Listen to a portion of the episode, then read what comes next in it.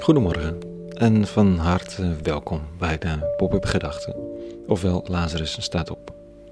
Ik ben Rico en op de vroege ochtend van de werkdagen schrijf ik tussen 6 en 7 een overweging om de dag mee te beginnen. Oh, tenzij de kinderen niet in alle vroegte op school hoeven zijn, dan wordt het soms wat later, zoals vanochtend.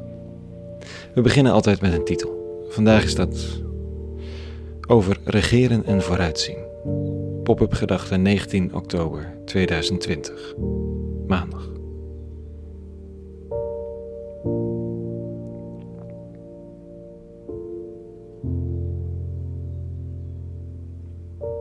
Ze zeggen dat regeren vooruitzien is. Mm, dat je een beeld vormt van de toekomst en daarop anticipeert.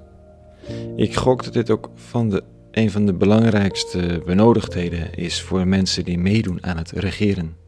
Dat je in staat bent om vooruit te zien en visie te vormen hoe we vandaag moeten handelen, zodat de toekomst enigszins bewaard blijft voor al te gekke dingen.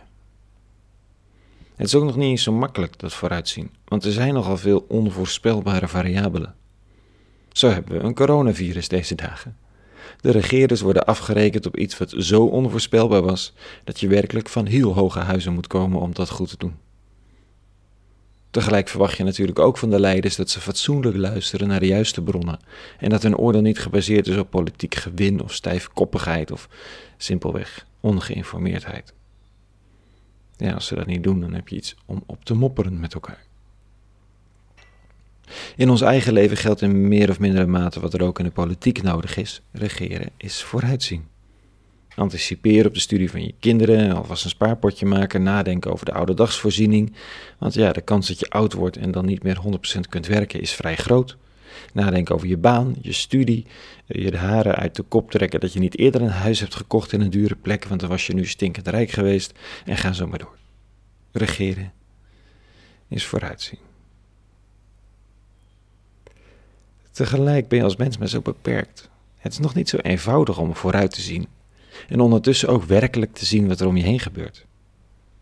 Wie zich bezighoudt met beleid over jaren wil nogal eens mopperig reageren op mensen die vinden dat er vandaag iets moet gebeuren. De toekomst voelt soms zomaar heel wat belangrijker dan de dag. Dan staat er een activist op een plein te roepen dat er iets misgaat in de zorg, of in de buurt, of rondom migratie, in Moria, of, of waar dan ook. En dan moppert de lange termijn denken dat hij of zij wel iets anders aan het hoofd heeft. Structurele oplossingen, opvang in de zogenaamde regio, veranderingen van het belastingstelsel, ik noem maar wat. En zomaar is het gepeupel degene die bij de dag leeft en de wijze die leeft over tientallen jaren. Maar de vraag is of die waardering wel klopt. Het is waar dat het een gok is om bij de dag te kijken wat er goed en beter kan en moet, zonder te anticiperen op de toekomst.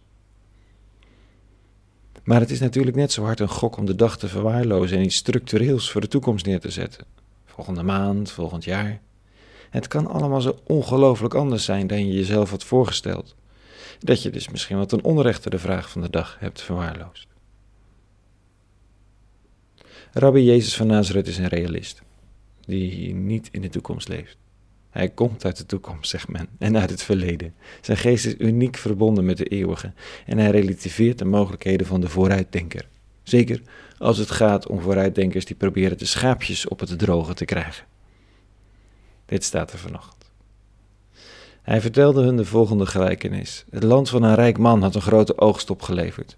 Daarom overlegde deze bij zichzelf: Wat moet ik doen? Ik heb geen ruimte om een oogst te bergen. En hij zei: Weet je wat, dit ga ik doen. Ik breek mijn schuren af en bouw grotere. Daarin zal ik dan heel mijn rijkdom aan koren bergen. Dan zal ik tot mezelf zeggen: Man, je hebt een grote rijkdom liggen voor lange jaren. Rust nu uit en drink en geniet ervan. Maar God sprak tot hem: Dwaas. Nog deze nacht komt men je leven van je opeisen. En al die voorzieningen die je getroffen hebt, voor wie zijn die dan? Zo gaat het met iemand die schatten vergaart voor zichzelf, maar niet rijk is bij God. De rijkdom ligt in schuren en de beste man is dood. Terwijl hij een fantastisch graandeelfeest had kunnen organiseren. Scheelt hem schuren bouwen, had hij meteen kunnen beginnen met dat eten en drinken en was hij glimlachend doodgegaan. Of misschien is hij helemaal niet doodgegaan, want van zoveel geluk blijft je rikketik misschien wel rustig doorkloppen. Gokken op de toekomst is een groot risico. Voor je ziel. Daar blijft de rabbi op hameren, hier en in andere passages. Blijkbaar zijn we eerder geneigd om het heden te verwaarlozen vanwege een gehoopte of gedroomde toekomst dan andersom. Doe vandaag het goede, morgen sterven we. Zo niet, dan doen we morgen weer wat goed is. Kijk, structurele oplossingen zijn essentieel, maar zet er niet al je geld op. Je bent het zomaar kwijt. Die rabbi van Nazareth is aardser dan je denkt en nodigt uit tot vertrouwen. Een hele goede maandag gewenst. En vrede. En alle goeds.